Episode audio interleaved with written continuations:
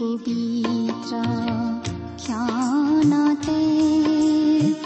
উজলি উঠা খ্ৰীষ্টৰ জ্যোতি নমস্কাৰ আমাৰ ত্ৰাণকৰ্তা মহান প্ৰভু যীশুৰ নামত আপোনাক এই ভক্তিবচন অনুষ্ঠানলৈ স্বাগতম জনাইছো।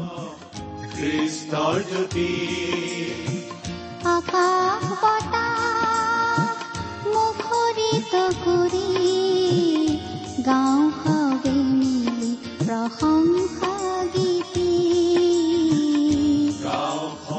এয়া মুকলি কৰিছো।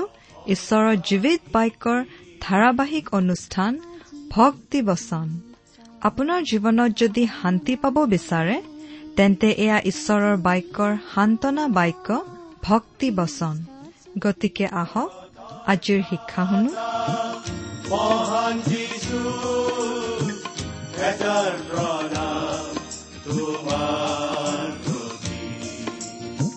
গ্ৰহণ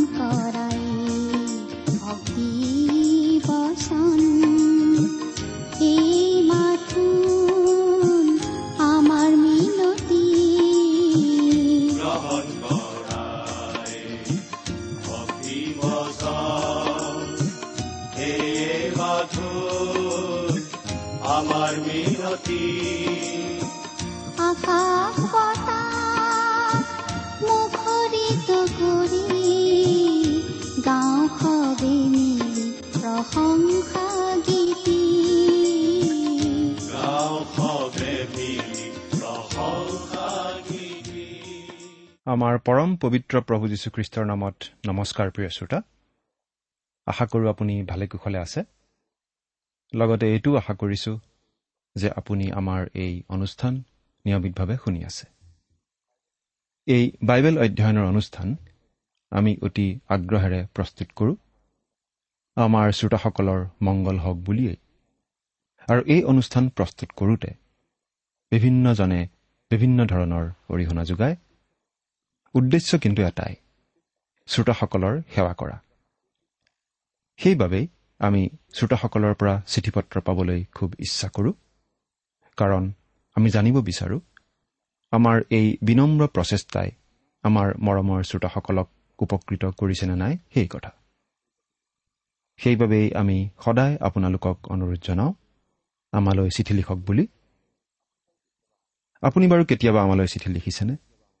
অনুগ্ৰহ কৰি দুষাৰিমান লিখি পঠিয়াবচোন। আমালৈ নিয়মিতভাৱে চিঠি পত্ৰ লিখি থাকিলে আমি অধিক আনন্দিত হ'ম। আমাৰ ঠিকনা? ভক্তিবচন টি ডব্লিউ আৰ ইণ্ডিয়া ডাক বাকচ নম্বৰ সাত শূন্য গুৱাহাটী সাত আঠ এক শূন্য শূন্য এক। ভক্তিবচন T W R India postbox number seventy Guwahati seven eight one zero' zero' one. আমাৰ website W W W dot radio' eight eight two dot com প্ৰিয় শ্ৰোতা আপুনি বাৰু আমাৰ এই ভক্তিবচন অনুষ্ঠান নিয়মিতভাৱে শুনি আছেনে? যদি শুনি আছে তেনেহ'লে আপুনি নিশ্চয় জানে যে আমি আজি কিছুদিন ধৰি বাইবেলৰ নতুন নিয়ম খণ্ডৰ জোহনৰ প্ৰথম পত্ৰ নামৰ পুস্তকখন অধ্যয়ন কৰি আছো। আমি এই পুস্তকখনক চমুকৈ প্ৰথম জোহন বুলিয়েই কওঁ। যোৱা অনুষ্ঠানত আমি এই প্ৰথম জোহন পুস্তকখনৰ প্ৰথম অধ্যায়ৰ শেষৰ পদটোলৈকে পঢ়ি আমাৰ আলোচনা আগবঢ়াইছিলো।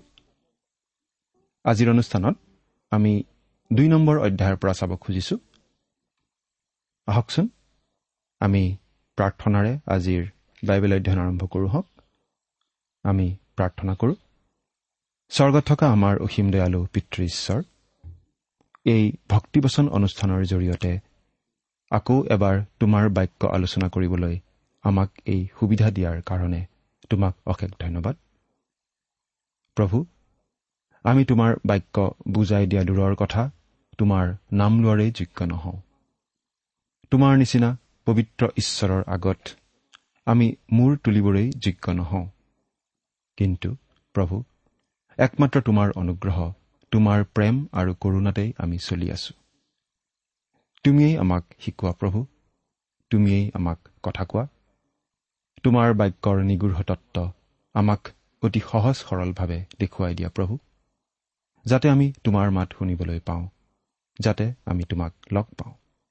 প্ৰভু যিসকল শ্ৰোতাই এই অনুষ্ঠান শুনাৰ দ্বাৰা তোমাৰ বাক্য বুজিবলৈ আগ্ৰহ প্ৰকাশ কৰিছে তেওঁলোক প্ৰতিজনকে তুমি বিশেষভাৱে কথা কোৱা।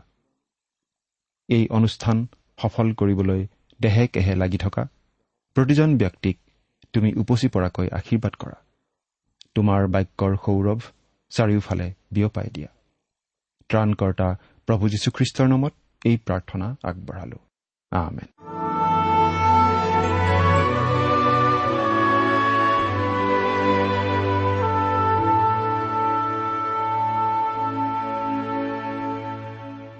প্ৰিয় শ্ৰোতা আহকচোন।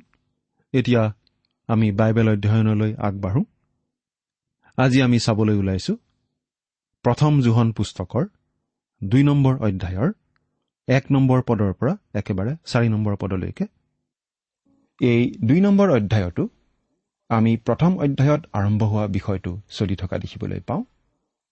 বিষয়টো হৈছে ঈশ্বৰৰ সন্তান অৰ্থাৎ খ্ৰীষ্টীয় বিশ্বাসীসকলে কেনেকৈ ঈশ্বৰৰ সৈতে সহভাগিতা উপভোগ কৰিব পাৰে সেই কথা। আমি ইতিমধ্যে দেখিবলৈ পালো যে আমি ঈশ্বৰৰ সৈতে সহভাগিতা লাভ কৰিবলৈ হলে পোহৰত চলিব লাগিব। অৰ্থাৎ ঈশ্বৰৰ বাক্যৰ পোহৰত চলিব লাগিব। ঈশ্বৰৰ উপস্থিতিত চলিব লাগিব। দ্বিতীয়তে আমি তেওঁৰ সৈতে সহভাগিতা ৰাখিবলৈ হলে আমাৰ জীৱনত থকা পাপবোৰ তেওঁৰ আগত স্বীকাৰ কৰিব লাগিব আৰু তাৰ বাবে ক্ষমা বিচাৰিব লাগিব। যেতিয়া আমি পোহৰত ফুৰো আমি জানো যে প্ৰভু যীশুৰ তেজে আমাক সকলো পাপৰ পৰা সূচী কৰে। কিন্তু লগতে আমি এই কথাও বুজি পাওঁ যে আমাৰ জীৱনত দুৰ্বলতা আছে আৰু আমি তেওঁৰ ওচৰত নত শিৰে নম্ৰভাৱে ক্ষমা বিচাৰিব লাগে। আমি এই বুলিও পালো যে আমি যদি আমাত পাপ নাই বুলি কওঁ আমি নিজেই নিজকে ভুলাওঁ। আমি যদি আমাৰ পাপ নাই বুলি কওঁ তেন্তে আমি ঈশ্বৰক মিছলীয়া বুলি কোৱাৰ নিচিনা হয় কাৰণ ঈশ্বৰে আমাৰ জীৱনত পাপ থকা বুলি কয়। আমি এই কথাও পালো যে আমি আমাৰ পাপবোৰ স্বীকাৰ কৰিলে ধাৰ্মিক আৰু বিশ্বাসী ঈশ্বৰে আমাৰ সকলো পাপ ক্ষমা কৰিবই। ঈশ্বৰে তেওঁৰ কথা ৰাখিবই। তেওঁ তেওঁৰ প্ৰতিজ্ঞা পালন কৰিবই। দ্বিতীয় অধ্যায়ত আমি আন এটা বিশেষ বিষয় পাওঁ। প্ৰভু যীশু যে আমাৰ হকে নিবেদন কৰোতা তেওঁ যে আমাৰ অধিবক্তা বা উকিলৰ নিচিনা সেই কথা। প্ৰথম অধ্যায়ৰ পাঁচ নম্বৰ পদত পোৱা কথাখিনিৰ এটা সিদ্ধান্ত আমি ইয়াত পাওঁ। সেই কথাটোনো কি? পদটো পঢ়ি দিছো। প্ৰথম অধ্যায়ৰ পাঁচ নম্বৰ পদটো আমি যি বাৰ্তা তেওঁৰ পৰা শুনি তোমালোকক জনাইছো সেয়ে এই। ঈশ্বৰ পোহৰ আৰু আন্ধাৰ তেওঁত এফেৰিও নাই। আমি যি বাৰ্তা তোমালোকক জনাইছো। সেই বাৰ্তাটোনো বাৰু কি? সেই বাৰ্তাটো হৈছে ঈশ্বৰৰ অনুগ্ৰহৰ শুভবাৰ্তা। এই অনুগ্ৰহই নৰকগামী পাপী লোকক খ্ৰীষ্টত স্থাপন কৰা সৰল বিশ্বাসৰ ভিত্তিত উদ্ধাৰ কৰে আৰু তেওঁক ঈশ্বৰৰ পৰিয়ালৰ সদস্য কৰি তোলে আৰু খ্ৰীষ্টৰ সৈতে উত্তৰাধিকাৰী কৰি তোলে। পিতৃ ঈশ্বৰৰ সৈতে যি বিশেষ সম্বন্ধ গঢ়ি তোলে সেইটো অতি গুৰুত্বপূৰ্ণ কথা। এতিয়া আমি বাইবেলৰ পৰা চাই যাম। অনুগ্ৰহ কৰি আপোনাৰ বাইবেলখন মেলি লওকচোন। প্ৰথম জোখন দ্বিতীয় অধ্যায় প্ৰথম পদটো পাঠ কৰি দিছো। হে মোৰ বোপাহঁত তোমালোকে যেন পাপ নকৰা এই আশয়েৰে মই তোমালোকলৈ এইবোৰ কথা লিখিছো। আৰু কোনোৱে যদিও পাপ কৰে তথাপি পিতৃৰ আগত আমাৰ সহায়কৰ্তা ধাৰ্মিক যীশুখ্ৰীষ্ট আছে। হে মোৰ বোপাহঁত তোমালোকে যেন পাপ নকৰা এই আশয়েৰে মই তোমালোকলৈ এইবোৰ কথা লিখিছো। জোহনে এই কথাবোৰ লিখি আছে কাৰণ ঈশ্বৰে বিচাৰে তেওঁৰ সন্তানবোৰে যাতে পাপ নকৰে। আমি যাতে পাপ নকৰো তাৰ বাবে ঈশ্বৰে যথেষ্টখিনি ব্যৱস্থা আমাৰ বাবে কৰি দিছে। কিন্তু সেই ব্যৱস্থাখিনি গ্ৰহণ কৰাৰ ক্ষেত্ৰতো আমি বহু সময়ত দুৰ্বল আৰু অসম্পূৰ্ণ। কাৰণ আমাৰ দুৰ্বলতা। এই পদটোত এই বুলি কোৱা নাই যে আমি কেতিয়াও পাপ কৰিব নোৱাৰো। অৰ্থাৎ পাপ কৰাৰ সামৰ্থ্য আমাৰ নাই বুলি কোৱা হোৱা নাই। কিন্তু আমালৈ এই কথাবোৰ এইকাৰণে লিখা হৈছে যাতে আমি পাপ নকৰো। পাপ কৰাৰ সামৰ্থ্য থকাটো যেন আমি আৰু পাপ নকৰো। ঈশ্বৰে বিচাৰে আমি যাতে এনে এটা জীৱন যাপন কৰোঁ যি জীৱনে তেওঁক সন্তুষ্ট কৰি ৰাখে। অৰ্থাৎ ঈশ্বৰে বিচাৰে আমি যাতে বাধ্যতাৰ জীৱন যাপন কৰোঁ। তেওঁৰ প্ৰতি বাধ্যতা প্ৰদৰ্শন কৰি জীৱন যাপন কৰোঁ। তেওঁৰ বাক্যৰ প্ৰতি বাধ্যতা ৰাখি যাতে আমি জীৱন কটাওঁ তাকেই ঈশ্বৰে বিচাৰে। এই কথাটো আমি আগতেও কৈ আহিছো যে এই প্ৰথম জোহন পত্ৰখন এখন পাৰিবাৰিক পত্ৰ। ঈশ্বৰৰ পৰিয়ালৰ লোক অৰ্থাৎ খ্ৰীষ্টীয় বিশ্বাসীসকলক উদ্দেশ্যি লিখা পত্ৰ। আৰু ইয়াত ঈশ্বৰৰ পৰিয়ালৰ মাজত থাকিব লগা সম্বন্ধ অৰ্থাৎ বিশেষভাৱে সহভাগিতাৰ কথা গুৰুত্ব দি কোৱা হৈছে। এই কথাটো আমি বাৰে বাৰে উল্লেখ কৰিছো কাৰণ আজিকালি খ্ৰীষ্টীয় মণ্ডলীত মণ্ডলী যে এক শৰীৰ এই বিষয়টোৰ ওপৰত যথেষ্ট শিক্ষা দিয়া হয়। সকলোবোৰ খ্ৰীষ্টীয় বিশ্বাসী সেই শৰীৰৰ অংগ প্ৰত্যংগ। এই শৰীৰৰ বিষয়টো আমি বিশেষভাৱে পঢ়িবলৈ পাইছিলো ইফিচিয়া পত্ৰত। আৰু এতিয়া আমি শৰীৰ বিষয়টোৰ পৰা পৰিয়ালৰ বিষয়টোত সোমাই পৰিছো। আমি খ্ৰীষ্টীয় বিশ্বাসীসকল একেটা শৰীৰ আৰু সেই শৰীৰৰ মূৰ হৈছে যীশুখ্ৰীষ্ট। কিন্তু আমি খ্ৰীষ্টীয় বিশ্বাসীসকল একেটা পৰিয়ালৰো সদস্য। ঈশ্বৰৰ পৰিয়াল। আৰু আমাৰ সম্বন্ধৰ বিষয়টো অতি দৰকাৰী। আমাৰ পিতৃ ঈশ্বৰৰ সৈতে আমাৰ সহভাগিতা থকাটো অতি প্ৰয়োজনীয় কথা। হে মোৰ বোপাহঁত। এইটো বিশেষভাৱে মন কৰিবলগীয়া সম্বোধন। এই বোপাহঁত শব্দটো আহিছে মূল গ্ৰীক শব্দ টেকনিয়াৰ পৰা। আৰু ইয়াৰ অৰ্থ হৈছে হে কণমানি সন্তানবোৰ। তোমালোকে যেন পাপ নকৰা এই আশয়েৰে মই তোমালোকলৈ এইবোৰ কথা লিখিছো। আচলতে আমি কোনেও কেতিয়াও পাপ নকৰা অৱস্থাটো পোৱা নাই। অৱশ্যে কোনো কোনো লোকে এনে নিষ্পাপ অৱস্থা এটা লাভ কৰা বুলি দাবী কৰে। এবাৰ এজন শিক্ষকে এই বিষয়ে শিক্ষা দি আছিল মানুহ যে সম্পূৰ্ণ শুদ্ধ সিদ্ধ নহয় সেই বিষয়ে শিক্ষা দি দি হঠাতে তেওঁ মানুহবোৰক সুধিলে আপোনালোকৰ মাজৰ কোনোবাই বাৰু সম্পূৰ্ণ শুদ্ধ সিদ্ধ মানুহ কেতিয়াবা লগ পাইছেনে? মানুহবোৰ নিমাতে থাকিল। হঠাতে একেবাৰে শেষৰ শাৰীত বহি থকা ডেকা মানুহ এজনে হাত দাঙি ক'লে মই দেখা নাই কিন্তু তেনে মানুহ এজনৰ বিষয়ে শুনিছো। তেওঁনো কোন? শিক্ষকজনে সুধিলে ডেকাজনে অলপ লাজ লাজকৈ উত্তৰ দিলে মোৰ পত্নীৰ আগৰজন স্বামী। সেই ডেকাজনৰ দুখ দেখুৱাবলৈ তেওঁৰ পত্নীয়ে নিজৰ আগৰ গিৰিয়েকজনৰ কথা খুব কৈছিল। কিন্তু কোনো মানুহেই সম্পূৰ্ণ শুদ্ধ সিদ্ধ অৱস্থা এটা লাভ কৰা নাই। এই কথাই সত্য। আমি যদি নিজৰ কথা কোনো লোকঢাক নকৰাকৈ ক'ব খোজো তেন্তে আমি স্বীকাৰ কৰিবই লাগিব যে ঈশ্বৰে আমাক এতিয়াও সম্পূৰ্ণ শুদ্ধ সিদ্ধ কৰি পেলোৱা নাই। পাচনি জোহনে লিখিছে হে মোৰ বোপাহঁত তোমালোকে যেন পাপ নকৰা এই আশয়েৰে মই তোমালোকলৈ এইবোৰ কথা লিখিছো। আমি পাপপূৰ্ণ জীৱন কটোৱাটো ঈশ্বৰে নিবিচাৰে। আমি পাছত এই বুলিও পাম যে যিকোনো ঈশ্বৰৰ পৰা জন্ম পোৱা হয় তেওঁ পাপ নকৰে। প্ৰথম জোহন পাঁচ অধ্যায় ওঠৰ পদ। ইয়াৰ অৰ্থ এইয়ে যে যিসকল ঈশ্বৰৰ পৰা জন্ম পোৱা লোক তেওঁলোকে পাপ কৰি নাথাকে। পাপত মজি থাকিব নোৱাৰে। পাপপূৰ্ণ জীৱন কটাই থাকিব নোৱাৰে। সেই অপব্যয় পুত্ৰই গাহৰিৰ গঁড়ালতেই থাকি যোৱা নাছিল। অনুতাপ কৰি আকৌ পিতৃৰ ওচৰলৈ উভতি আহিছিল। কিয়? কাৰণ তেওঁ গাহৰি নহয়। তেওঁ সেই পিতৃৰ পুত্ৰ আছিল। কিন্তু উপদেশক সাত অধ্যায় বিছ পদত কোৱা এই কথাখিনিও আমি মনত ৰাখিব লাগে যে এই পৃথিৱীত ধাৰ্মিক এজনো নাই। সদায় কেৱল সৎ কাম কৰা আৰু কেতিয়াও পাপ নকৰা কোনো নাই। আজি হয়তো আমি এনেদৰে ক'ব পৰা অৱস্থা এটা পাইছো যে আমি দেখাত একো বেয়া কাম কৰা নাই।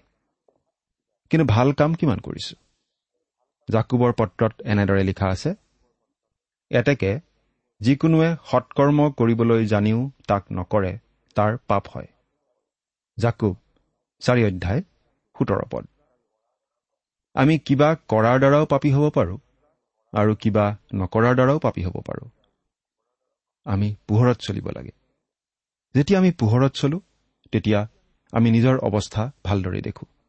আমি ঈশ্বৰৰ মহিমাৰ পৰা কিমান বঞ্চিত হৈ আছো সেইটো দেখোঁ। ঈশ্বৰে আমাক কৰিবলৈ কোৱা কাম কৰাত কিমান ব্যৰ্থ হৈ আছো সেইটো বুজি পাওঁ। প্ৰতিজন খ্ৰীষ্টীয় বিশ্বাসীয়েই আচলতে ঈশ্বৰৰ সৈতে সহভাগিতা ৰাখি চলিবলৈ ইচ্ছা কৰে।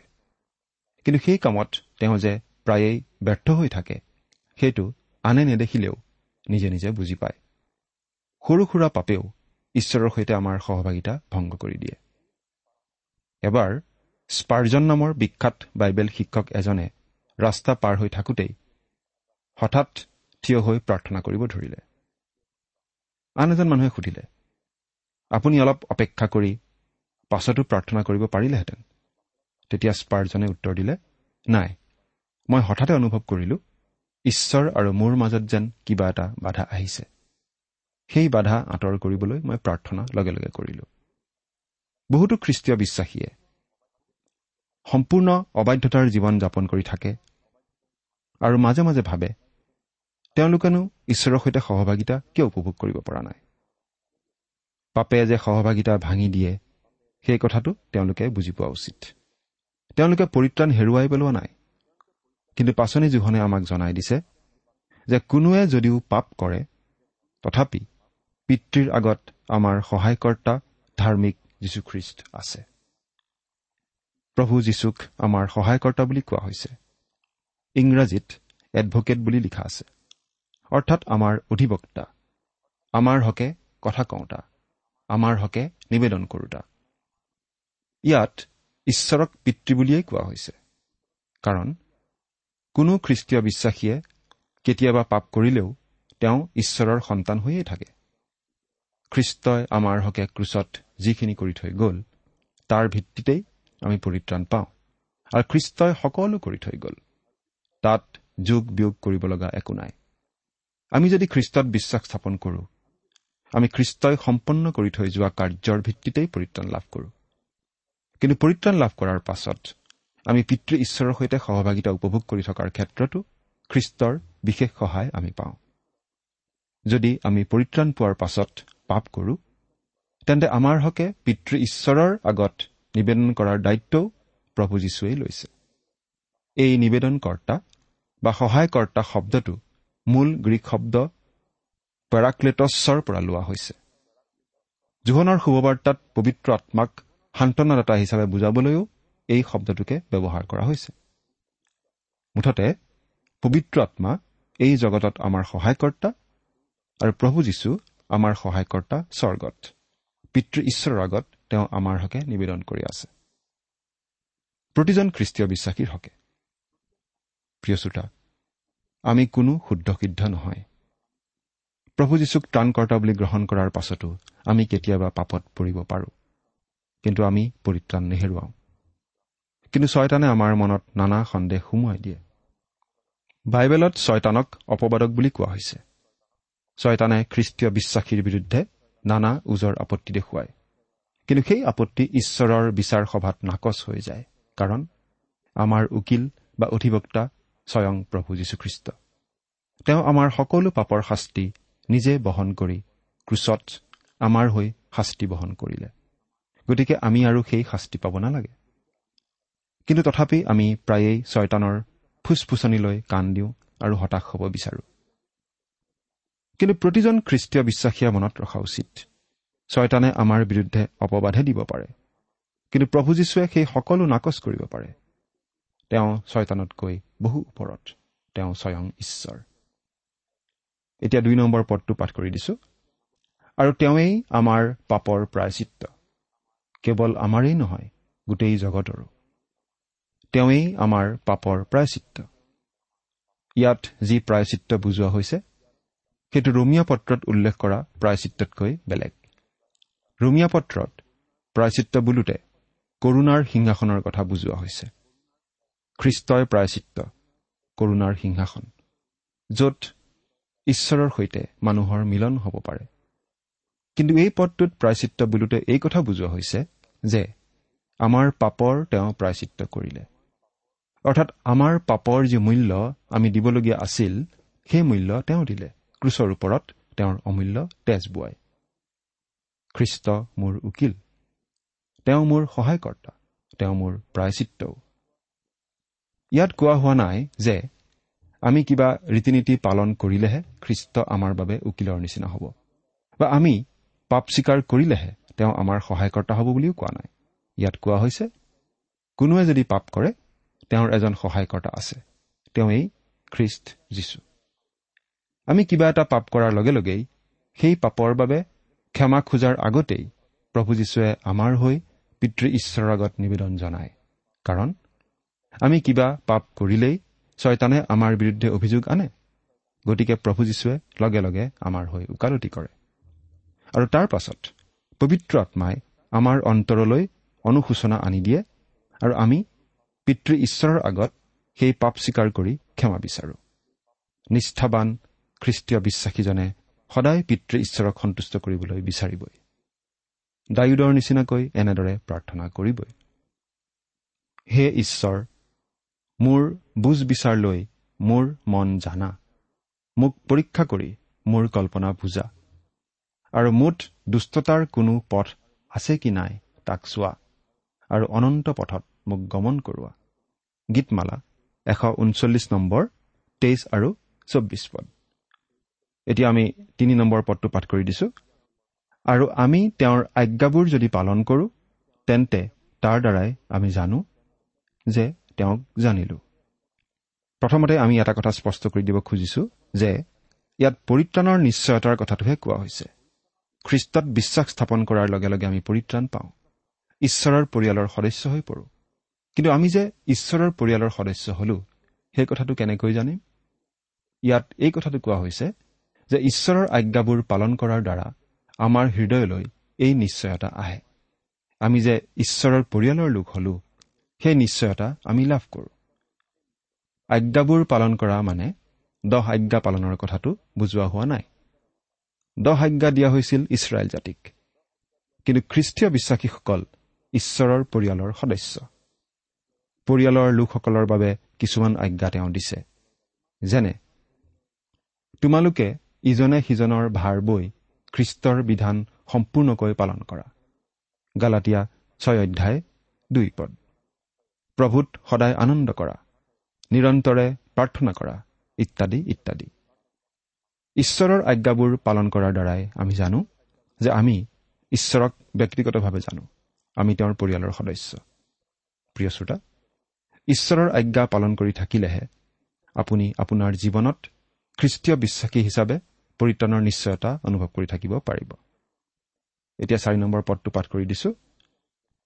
মই তেওঁক জানিলো ইয়াকে বুলি যিকোনোৱে তেওঁৰ আজ্ঞাবোৰ পালন নকৰে তেওঁ মিছলীয়া আৰু তেওঁৰ অন্তৰত সত্যতা নাই। আমি যদি প্ৰভু যীশুক গ্ৰহণ কৰা বুলি আনৰ আগত কওঁ আৰু প্ৰভু যীশুক গ্ৰহণ কৰি ঈশ্বৰৰ সন্তান হলো বুলি কওঁ ঈশ্বৰক জানিলো বুলি কওঁ তেনেহলে সেই কথা আমাৰ মুখৰ কথাৰে নহয় কিন্তু আমাৰ কামেৰে প্ৰকাশ পাই উঠিব। ঈশ্বৰৰ আজ্ঞা পালন কৰাৰ দ্বাৰাই সেই কথাৰ প্ৰমাণ প্ৰকাশ পাই উঠিব। কোনোৱে যদি ঈশ্বৰক জানিলো বুলি কয় কিন্তু ঈশ্বৰৰ আজ্ঞা মানি নচলে তেন্তে তেওঁক মিছলীয়া বুলি সকলোৱে ক'ব। তেওঁৰ অন্তৰত সত্যতা নাই বুলি ইয়াত কোৱা হৈছে। মুঠতে যদিহে আমি প্ৰভু যীশুক গ্ৰহণ কৰি ঈশ্বৰৰ সন্তান হলো পৰিত্ৰাণ লাভ কৰিলো তেন্তে আমি সকলো ধৰণে ঈশ্বৰক সন্তুষ্ট কৰিবলৈ বিচাৰিমেই। প্ৰিয় শ্ৰোতা আমি বাৰু সকলো ক্ষেত্ৰতে পিতৃ ঈশ্বৰক সন্তুষ্ট কৰিবলৈ চেষ্টা কৰোঁনে? চিন্তা কৰি চাওকচোন। ঈশ্বৰে আপোনাক আশীৰ্বাদ কৰক। আমেন।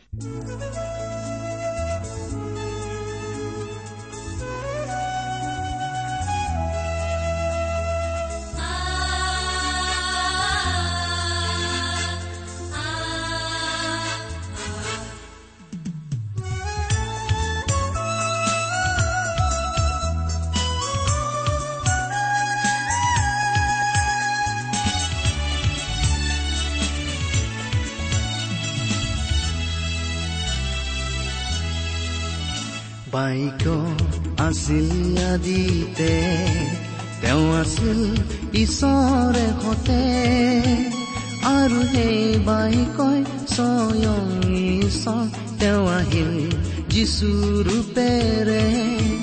মানুহ উধাৰিবলে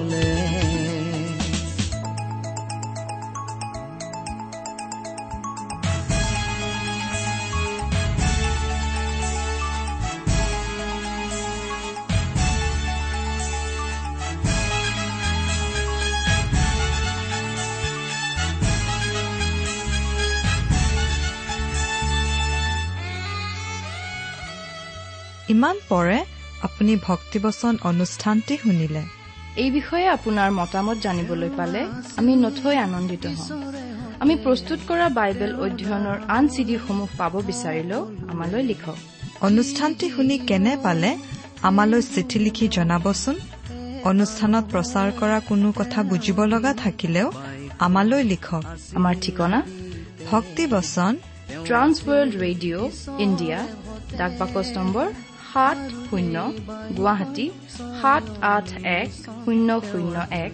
ঠিকনাটো আৰু এবাৰ কৈছো ভক্তিবচন ট্ৰান্স ৱৰ্ল্ড ৰেডিঅ' ইণ্ডিয়া ডাক বাকচ নম্বৰ সাত শূন্য গুৱাহাটী সাত আঠ এক শূন্য শূন্য এক। আমাৰ ইমেইল এড্ৰেছটো হৈছে S M is T T B at the rate radio' eight eight two dot com. আমাৰ website W W W dot T W R dot in আপুনি টেলিফোনৰ মাধ্যমেৰেও আমাক যোগাযোগ কৰিব পাৰে। আমাৰ টেলিফোন নম্বৰটো হৈছে শূন্য তিনি ছয় এক দুই ছয় শূন্য চাৰি ছয় সাত এক। ফোন নম্বৰটো আকৌ এবাৰ কৈছো zero' three six one two six zero' four six seven one আজিৰ অনুষ্ঠানটি ইমানতে সামৰিছো। ঈশ্বৰৰ শান্তি আৰু অনুগ্ৰহ আপোনাৰ লগত থাকক। ধন্যবাদ। তেওঁ আহিল যিচু ৰূপেৰে মানুহ উধাৰিবলে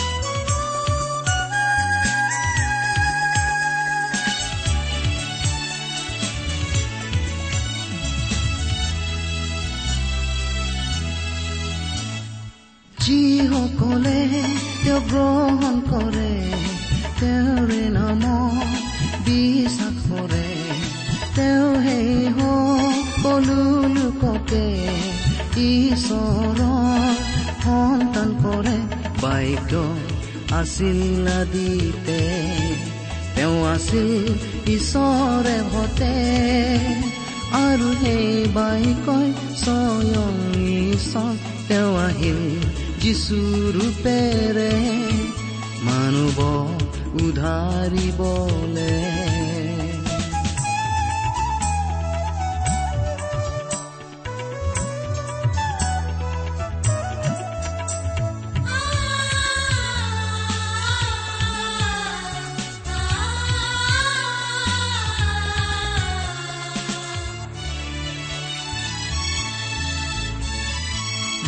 জীৱন গৰাকী মানুহৰ পোহৰ সেই জীৱনে?